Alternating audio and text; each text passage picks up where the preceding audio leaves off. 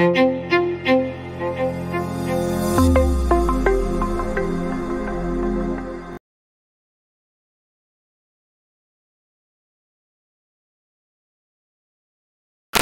orang Yahudi tak menerima Nabi Muhammad SAW sebagai Nabi terakhir? Saya telah mendengar pandangan seorang padri Yahudi mengatakan, akhir zaman akan muncul apabila semua keadaan telah aman semua.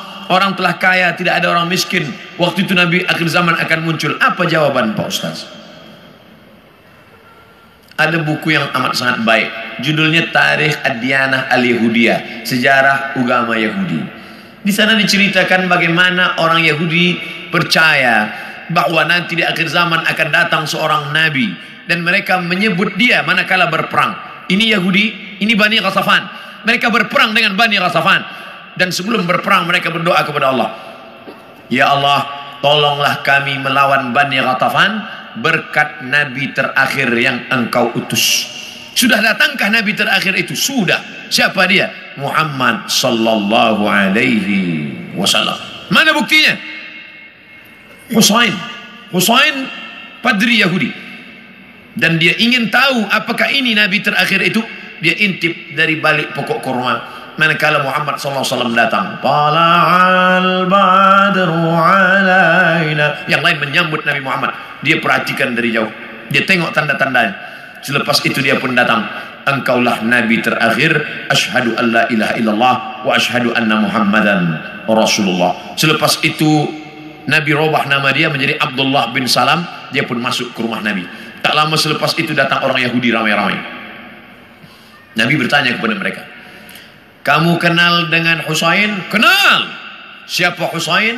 padri kami siapa Husain? anak orang baik Husain adalah orang baik anak orang baik keturunan orang baik apa kata Nabi? Husain sekarang ada dalam rumahku dan dia sudah Islam apa pendapat kamu? Husain orang paling jahat, anak paling jahat, datuk nenek moyangnya orang jahat dan dia ada paling jahat di dunia. Kenapa Husain masuk Islam? Kenapa mereka tidak? Karena Husain melepaskan dari segala kepentingan.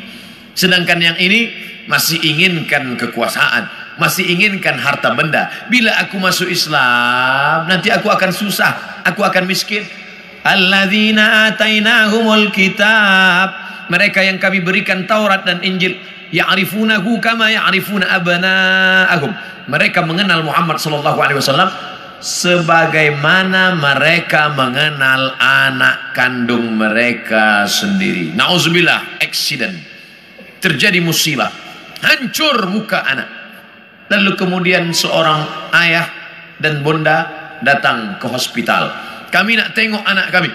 Betulkah dia yang kena accident? Nauzubillah. Belum buka wajahnya, dah tahu ini anak kami. Dari mana? Dari jari kakinya. Buka jari kaki. Ya, ini memang anak saya. Dari mana puan tahu? Dari mana tuan tahu? Ini kaki anak kami. Mereka kenal Muhammad sallallahu alaihi wasallam lebih daripada anak kandung mereka sendiri. Mana bukti? Ketika Nabi Muhammad sallallahu alaihi wasallam dibawa oleh Abu Talib menuju Busra negeri Syam sebelum sampai ke sana mereka berhenti sejenak lalu Bahira keluar Bahira keluar daripada tempat suci Bahira seumur hidup tak pernah keluar dia hanya beribadah saja tapi hari itu Bahira datang apa kata Bahira bertanya kepada Abu Talib Ya rajul wahai lelaki siapa anak kecil ini kata Abu Talib ini anakku hadai ibni Kata Bahira, kalau betul kitab yang kubaca, ini bukan anakmu. Anak ini yatim. Ayahnya dah mati sebelum dia lahir. Kenapa? Karena tiga tanda aku tengok. Pokok kayu bersujud, batu-batu bersujud, dan ada awan yang dari tadi menaungi dia. Tersenyum Abu Talib. Ini memang bukan anakku, ini adalah anak saudaraku. Karena orang biasa berkata anak saudara itu anak kita juga. Anak saudara, anak kita. Rumah saudara, rumah kita. Tapi bini dia bukan bini kita. Ini siapa? Ini anak saya.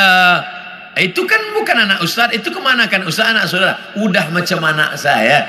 Begitulah Bahira tahu bahwa ini anak ayahnya sudah meninggal itulah yang ditulis dalam syair Al-Barzanji walamma tamma min hamlihi ketika hamilnya sempurna syahrani dua bulan ala ashuril aqwalil marwiyah menurut hitungan bulan qamariyah tufiya bil madinatil munawwarati abuhu Abdullah meninggal ayahnya Abdullah dua bulan Kenapa mereka tahu? Kerana itu tertulis dan dituliskan dalam Al-Quran surat As-Saf. Ya'ti mim ba'dismuhu Ahmad.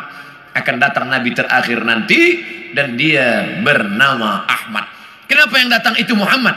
Muhammad masyhur di bumi, Ahmad masyhur di antara malaikat. Ahmad dia, Muhammad dia, Toha dia, Yasin dia, Al-Fatih dia, Al-Khatim dia. Al-Fatihu lima ughliq wal khatimu lima sabaq nasirul haqqi bil haqq yahdi ila siratikal mustaqim dialah al-aqib dialah al-hashir huwa Ahmad huwa Muhammad huwa Taha huwa Yasin huwa Khatim huwa Fatih huwa al-aqib huwa al-hashir huwa al-hami sembilan-sembilan ini nama-nama tapi dia juga adalah Muhammad sallallahu alaihi wasallam.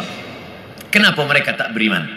Kerana mereka berkeyakinan yang datang itu keturunan Ibrahim tapi dari jalan nasab Ishak. Ibrahim punya anak Ishak Ishak punya anak Yakub Yakub nama lain daripada Yakub Israel maka anak cucu Yakub disebut dengan Bani Israel Yakub punya anak Yusuf Yusuf punya saudara lelaki bernama Yahuza cucu cicit keturunan Yahuza disebut dengan Yahudi. Mereka ingin Nabi terakhir itu keturunan Ishak, Yakub, Yahuza. Sedangkan yang lahir terakhir ini Muhammad SAW, anak Abdullah, anak Abdul Muttalib, anak Hashim, anak Abdi Manab, anak Qusay. Qusay lah yang membina Darul Nadwah di kota Makkah Al-Mukarramah. Cucu cicit keturunan daripada Adnan, Adnan keturunan daripada Ismail, Ismail anak daripada Ibrahim alaihissalam. Falamma ja'ahum ma arafu ketika mereka didatangi, ketika datang orang yang mereka kenal itu kafaru bih. Mereka pun kafir dan ingkar. Padahal beza mereka hanya dua simpang saja. Satu simpang Ishak satu simpang Ismail. Mereka tak percaya. Bagaimana dengan kita orang Melayu? Andailah orang Melayu tak nak beriman kecuali dengan Nabi Melayu. Aku tak nak Nabi seorang Arab. Ingin Nabi yang Melayu pakai baju Melayu, pakai songket Melayu. Aku Abdul Somad, saya Abdul Somad tak pernah mempermasalahkan apakah dia datang dari Arab, apakah dia dari Quraisy.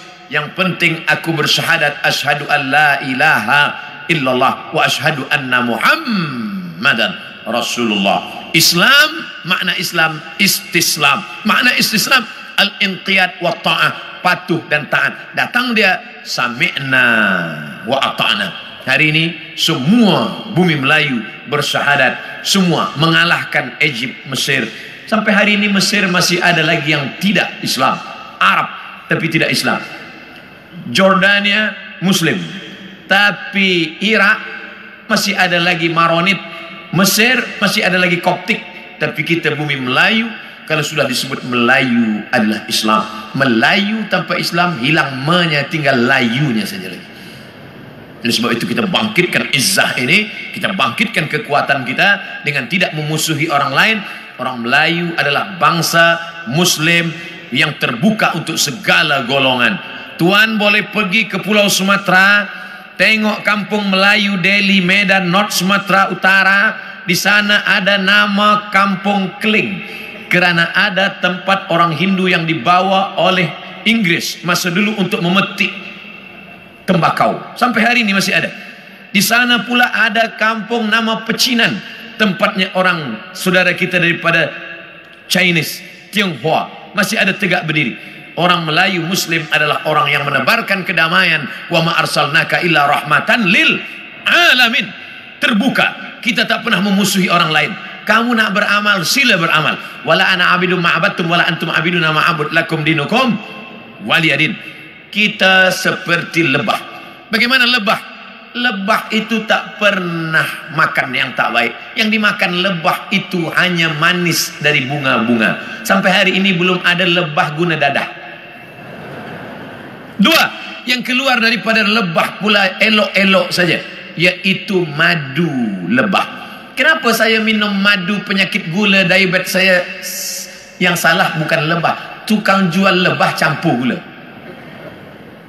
Yang ketiga, bahawa lebah hinggap di ranting tak ada ranting patah. Sampai hari ini lebah hanya membuat sarang di kayu tualang yang besar. Tak ada lebah patahkan ranting. Lebah tahu ini sesuai ini tak sesuai. Yang keempat lebah jangan diganggu. Orang Islam jangan diganggu. Bila engkau sal ganggu sarang lebah dia akan kejar engkau masuk pun engkau ke sungai dia akan tunggu. Bila kau tak bernafas engkau tarik nafas di situ dia guna kepala engkau akan bengkak. Hati-hati dengan lebah. Dan lebah ada senjata satu saja. Di ekor lebah ada satu senjata. Lebah tahu bila aku dah guna ini aku akan mati. Sengatan lebah diguna sekali seumur hidup.